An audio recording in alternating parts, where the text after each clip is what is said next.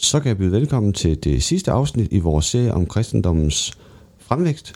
Øh, og som sædvanligt har jeg Jakob Ingeberg med, lektor i Oldkirkens historie på Aarhus Universitet, og i dag har vi bevæget os op til omkring 300, hvor øh, den første kristne kejser snart lader sig døbe, øh, kejser Konstantin. Men kejser Konstantin kommer jo ud af en en noget, en omtumlende tid for, for kristendommen. Så hvis vi hopper lidt tilbage til slutningen af det, det 3. århundrede og kejser Diokletian, der har vi jo nogle af de store kristenforfølgelser. Øhm, hvordan kan det være, at, eller hvad sker der, og hvordan kan det være, at Konstantin lige pludselig øh, toner frem på scenen og ender med at lade sig døbe og understøtte øh, den kristne kirke? Stort spørgsmål. Ja, øh, der skal vi måske gå helt tilbage til år 235 øh, efter, efter Kristus. Øh, der øh, ender et øh, romersk øh, kejserdynasti, som vi kalder det severiske dynasti, efter grundlæggeren af det her kejserdynasti, Alexander Severus. Øh, der øh, ender det her kejserdynasti, og øh, så følger der en øh, 50-årig periode i, i Romerets historie, som er særdeles øh, tumultarisk, altså meget urolig. Øh, øh, hvor øh, meget få kejsere når at sidde øh, længe på, på kejsertronen. Den ene kejser afløser den anden, og der er idelige, altså vedvarende borgerkrige, øh, oprør, øh, og øh, det øh, gør også, at det bliver en periode med, med øh, usikre grænser, altså hvor stammer uden for Romerrigets grænser har held til at, at, at, at trænge ind og, og, og plyndre og, og lave øh, uro. Der er også øh, øh, forskellige store øh, sygdomsepidemier i, i, i den her periode, som, som yderligere bidrager til, at det er en, en øh, dårlig periode i, i øh, Romerigets øh, historie. Det er måske ganske karakteristisk, at øh, nogle kejser i den her periode reagerer på alle de her ulykker ved at, at, at tænke, at der må være øhm, øh, guddommelig vrede bag det her, og, og netop der øh, finder frem til, at øh, det kunne være nyttigt at, at forfølge de, de kristne. Så de tre eneste eksempler på kejserligt iværksatte og i teorien rigsomspændende øh, forsøg på at forfølge de kristne, vi har, de øh, udspiller sig netop her i, i, øh, i den her øh, periode. Vi har en kejser, der hedder Decius, øh, der i 250 iværksætter sådan en forfølgelse af de kristne, og så er der en kejser, der hedder Valerian, der i årene 257-260 forfølger de kristne over, over hele øh, riget. Som et forsøg på at komme øh, den her øh, uro øh, til livs, der er der en, en kejser, der hedder øh, Diocletian, der er kommet øh, til magten, og øh, han øh, allierer sig med øh, andre øh, herfører øh, og deler magten med, med dem, så vi kommer op på, at der i alt er øh, fire kejsere, der deler øh, magten over, over riget. Og mens de her fire øh, kejsere reagerer, der iværksættes i år 303 øh, den sidste og, og største øh, forfølgelse af de kristne. Og den forfølgelse af de kristne kommer til at udspille sig fra 303 og frem til 311 i de fleste dele af riget. Og øh, i en enkelt del af, af riget kommer øh, forfølgelsen til at, at vare helt frem til 313 øh, efter efter Kristus. Meget tyder på, at i den allervestligste del af, af riget kommer øh, den her forfølgelse til at have meget få øh, e-, effekter. Øh, den senere kejser Konstantins øh, far, Constantius, han er en af de her fire kejsere, der regerer i, i fællesskab. Øh, og øhm, han er til synligheden meget lidt øh, interesseret i at, at forfølge de kristne i sin del af, af riget. Det er også en del af riget, hvor der er færrest øh, kristne, men, men øh, meget tyder på, at, at der, der kommer nærmest ingen forfølgelse øh, af dem øh, der. Og en af de gode kilder, vi har til at, at vise det, det er en, en, en, en kilde, øh, en, en kristen kilde, som, som, som tager sådan set som, som givet, at, at de kristne er ikke blevet forfulgt i, i hans del af riget, og, og derfor er kristne præster i den del af riget øh, i stand til at, at male i en konflikt, der er opstået i, imellem kristne præster i en del af riget, der, hvor de kristne er blevet øh, forfulgt øh, en strid, der handler om, øh, øh, hvad, hvad, hvad gør man, øh, hvordan kan man tilgive, og på hvilke vilkår kan man tilgive kristne, der er faldet fra under de her forfølgelser. Øh, der er der nogle nordafrikanske kristne, der mener, at, at det vil øh, de galliske præster være, være særlig gode til at tage stilling til den her konflikt, fordi de har ikke haft problemet inde på deres eget liv, fordi i deres del af riget er de slet ikke blevet ramt af den her øh, forfølgelse. Så, så der er virkelig god øh, bevis på, at, at formentlig er de kristne slet ikke blevet forfulgt i, i Gallien og, og Britannien, hvor, hvor Konstantins far, øh, Constantius, øh, reagerede, reagerede. Ja, men så sker der jo noget, når vi øh, kommer op omkring 311. Så, øh, så, så, så, så begynder der at ske noget til, til fordel for de kristne. Ja, det er, det er en, en indviklet øh, historie, men øh, det her øh, øh, firemands styre, man kalder det et tetraki, øh, det betyder simpelthen bare et firemands styre, som kejser Diocletian havde øh, fået sat i søen, det viser sig ikke at være øh, levedygtigt. Det, øh, det bryder sammen. Der er flere, der er interesseret i at være kejser end blot, blot fire, og øh, der er også øh, flere, der er interesseret i at øh, få større områder at regere over, end det, som, som Diocletian nok havde, havde forestillet sig. Så der udbryder igen øh, borgerkrig. Og øh, de to øh, umiddelbart sejrende kejsere i den her øh, borgerkrig, det bliver øh, Konstantin, som er søn af Constantius, som jeg omtalte før. Constantius dør, og efter at Constantius dør, så udråber Constantius' legionærer, de udråber hans søn Konstantin til at være den nye øh, kejser. Så han er den ene, der går sejrig ud af den her øh, borgerkrig. Og han har allieret sig med en anden øh, kejser, der hedder Licinius, og øh, øh, sammen går de altså sejrige ud af den her borgerkrig, og i øh, 311 øh, så har en, en, en, øh, en tidligere kejser, der hedder Galerius, han har udstedt et edikt, som vi kalder toleranceediktet, hvor øh, han øh, øh, siger, at nu skal kristenforfølgelserne indstilles. Øh, tonen i digtet er sådan ret sur, kan man sige. Øh, Galerius, han øh, forsvarer, at det egentlig var fornuftigt at forfølge de kristne, men øh, de kristne var bare så stedige, så det ikke kunne lade sig gøre at få dem til at vende tilbage til en sund tænkemåde og til en sund dyrkelse af de romerske guder. Og derfor endte det med bare at give anledning til alt for meget uro i alle provinserne og forfølge de kristne, og derfor må vi hellere indstille det. Øh, og de kristne skal nu tolereres. Men, men det her edikt følger Licinius og Konstantin så op i øh, et edikt, der bliver udstedt i Milano, øh, hvor de ikke blot øh, udtrykker deres tolerance over for kristendommen, men også øh, foreskriver, at nu øh, skal provinsguvernørerne hjælpe med til, at øh, den ejendom, altså de øh, bygninger, øh, begravelsespladser og så videre, som er blevet konfiskeret fra kirken eller ødelagt, at øh, de skal tilbagegives til kirken og, og genopbygges. Og tilsvarende med ejendom, der er blevet konfiskeret fra kristne, det skal også mm, tilbagegives til, til de her kristne, der er blevet, øh, blevet, blevet forfulgt. Øh, kristne, der er sendt i eksil, kan få lov at vende hjem fra eksil og, og, og så videre. Men øh, det stopper jo ikke. Det stopper jo ikke her for Konstantins vedkommende, fordi lige pludselig så, så vender tingene jo, at fra at være forfulgt, så får man lige pludselig en kejser, der faktisk begynder at øh, støtte øh, de kristne.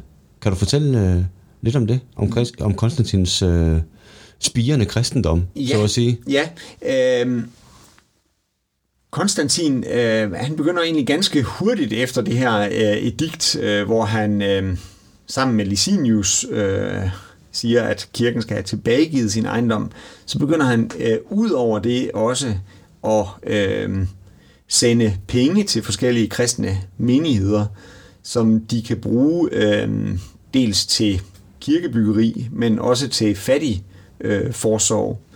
Så fra at, øh, at kirken har været forfulgt, begynder der at komme en, en, en situation, hvor langsomt kirken bliver favoriseret af, af kejserne. Øhm, Licinius og, og Konstantin holder fred med hinanden i en, en årrække, øh, men det ender med, at de også øh, kommer op og toppes om, hvem der skal være ene kejser i, i Romeriet, og den krig vinder øh, Konstantin. Og, og fra dag af er det altså ikke kun i den vestlige del af, af Romeriet, at kirken langsomt begynder at blive favoriseret, men også i, i den østlige del, så altså i hele, i hele Romeriet. Øh, og nu er jeg øh, et par gange kommet til at sige kirken i bestemt ental, men øh, der er øh, den situation, især i romersk Nordafrika, at der er opstået et, en splittelse, øh, hvor øh, kirken er blevet øh, spaltet, og øh, det har blandt andet været over spørgsmålet af, hvordan og på hvilke vilkår man kan genoptage frafaldende øh, kristne. Øh, der er et rygte om, at øh, øh, biskop, øh, at han har øh, nægtet under forfølgelserne, at kristne kunne bringe mad til fængslede med kristne. Og øh, der er et rygte om, at, at i fængslet er nogle kristne fanger ligefrem sultet ihjel, fordi de ikke har fået bragt forsyninger af deres medkristne. Altså det at sidde i et romersk fængsel var ikke som at sidde i et fængsel i Danmark i dag, hvor man kan forvente, at det offentlige sørger for, at man bliver øh, bespist. Hvis du kunne havde slægtninge eller venner uden for fængsel, der sørgede for at komme med mad til dig, så øh, kunne du fint risikere at, at sulte ihjel, mens du, du sad i, øh, i, i fængsel. Så det er jo en ganske alvorlig anklage, at, at ligefrem øh, Karthagos øh, biskop har forhindret andre kristne i at bringe forsyninger ind til, til, til kristne øh, fanger.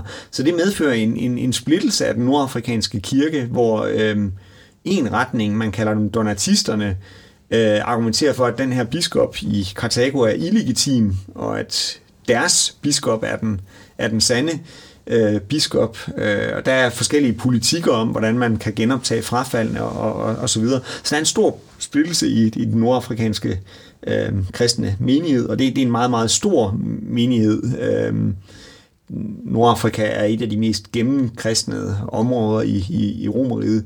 Kirkerne ligger lige så tæt, som det gør i højmiddelalderen i, i Danmark. Du kan se fra den ene kirke til den anden. Du har landsbyer med øh, få hundrede indbyggere, der måske har to, tre forskellige kirker eller, eller kapeller. Så det er et virkelig meget gennemkristnet område. Øh, øh, så det er en alvorlig splittelse. Og, øh, og der øh, vælger øh, Konstantin ret tidligt side i den her konflikt og, og, og støtter det, der bliver til den katolske kirke, og øh, efterfølgende kejser øh, sætter endnu mere øh, kraft på det her med at styrke en, en bestemt øh, retning og, og, og forfølger øh, ganske aktivt øh, de her donatistiske kristne i nogle perioder, for eksempel i 340'erne og igen i 380'erne og 90'erne.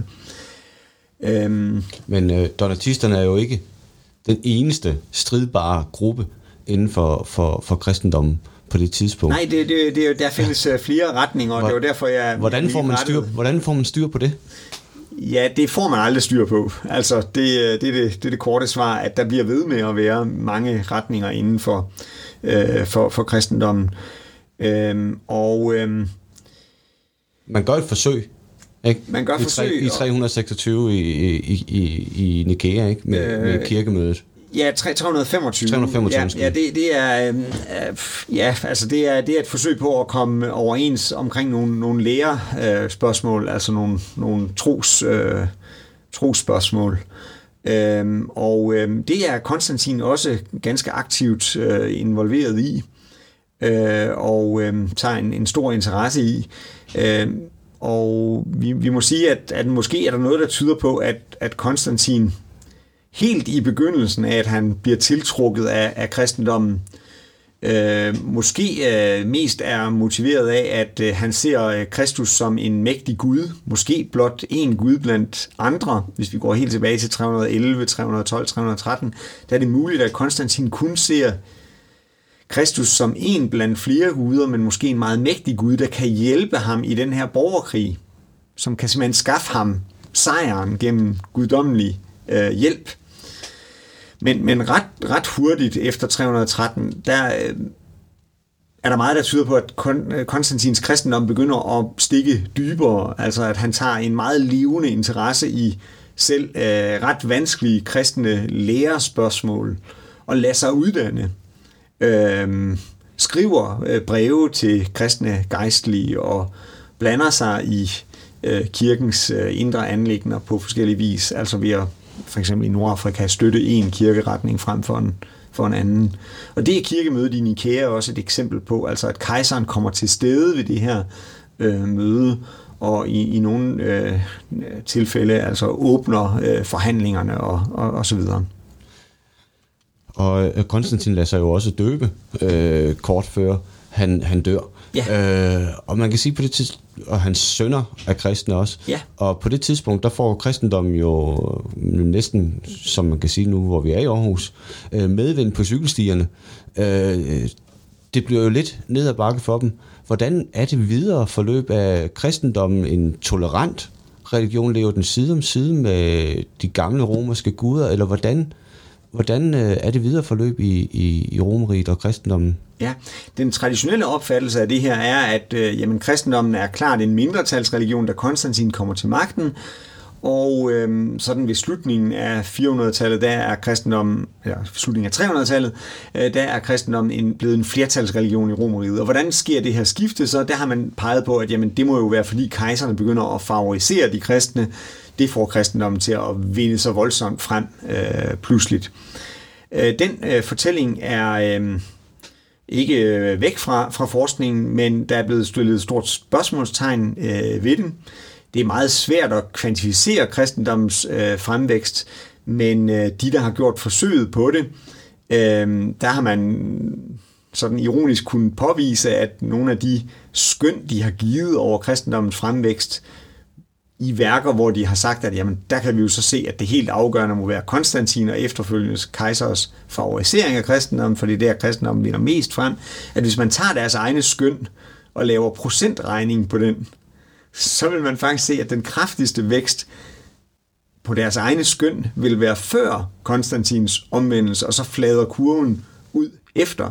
Det er sandt, at hvad skal man sige, i numeriske tal, hvis vi tager deres skøn, er det der, den største stigning er men procentuelt er det en mindre kraftig stigning. Nu tror jeg ikke på, at man kan kvantificere det på den måde, men det viser bare, at vi skal være meget forsigtige med at antage, at de her sådan store politiske begivenheder, det er det, der forklarer kristendommens fremvækst. En anden måde, vi kan se det på, det er, at til synlædende vinger den her donatistiske kirke meget kraftigt frem i romersk Nordafrika, og det var jo gennem hele 300-tallet en øh, ikke favoriseret gren af øh, kristendommen. Så igen er det måske farligt simpelt at slutte, at det bare er par politisk favorisering, der, der, der gør det her. Men, øh, men noget betyder det politiske øh, niveau øh, måske. Øhm, øh, og øh, det øh, de første kejser, Konstantin og hans sønner, er mest ivrige efter, det er ikke så meget op bekæmpe øh, ikke-kristen øh, religion, men det er mere at blande sig i de interne kristne stridigheder. Så der er langt flere eksempler på, at du kan komme i klemme, hvis du er den forkerte slags kristen, end hvis du ikke er kristen. Ikke at være kristen er ikke det store problem, og ikke farligt, men det er farligt, hvis du kommer til at tilhøre den forkerte gren af kirken. Og det kan, hvis du er en ledende embedsmand, måske være med til at hæmme din karriere. Det hæmmer ikke din karriere, hvis du bare er, er hedning. Øh, det, det giver ingen problemer. Vi har mm, ret mange berømte eksempler på ledende politikere, der får fine øh, poster øh, under Konstantin og hans efterfølgere, som ikke er øh, kristne. Når vi kommer endnu senere i 300-tallet, har vi ligefrem eksempler på historikere og forfattere, der er hedninger og skriver værker, der indeholder polemik mod kristendommen, men som alligevel kan gøre fine øh, Øh, karriere. Men, men langsomt bliver der alligevel øh, stillet øh, hindringer i vejen for forskellige aspekter af øh, hedensk øh, kultus. Der kommer forbud mod blodige ofringer. Der kommer forbud mod øh, ofringer i øh, det offentlige. Øh, således altså, at på det offentlige regning skal der ikke længere bekostes øh, ofringer til øh, Jupiter. Øh, du må godt stadigvæk ofre hjemme. Øh, der bliver ikke givet penge i samme omfang som tidligere til vedligeholdelse og renovering af, af templer og, og sådan noget. Så mange templer forfalder og går ud af brug, og nogle af de templer bliver ligefrem overtaget af kristne og ombygget til, øh, til kirker. Der er også enkelte eksempler på, øh, på templer, der bliver vandaliseret af øh, kristne øh, øh, munke, for eksempel i, i, i Ægypten. Og der er også eksempler på, at øh, øh, romerske legionærer øh, ser passivt til, at det her sker. Der er også eksempler på, at, at der fra offentlig side bliver grebet ind, og der bliver sat en stopper for de her optøjer, men, men der er eksempler på, at, at myndighederne står til side og lader det ske. Øhm. Men man kan sige, at i løbet af 300-tallet, der etablerer kristendommen sig som den primære religion i, i Romeriet, og øh, så kan man næsten sige, så er, er resten historie i den her sammenhæng. Øh, så jeg vil sige tusind tak for denne gennemgang af den tidlige kristne kirkes historie. Tusind tak til dig, Jacob. Jeg blev meget klogere, det håber jeg også, at I andre er blevet.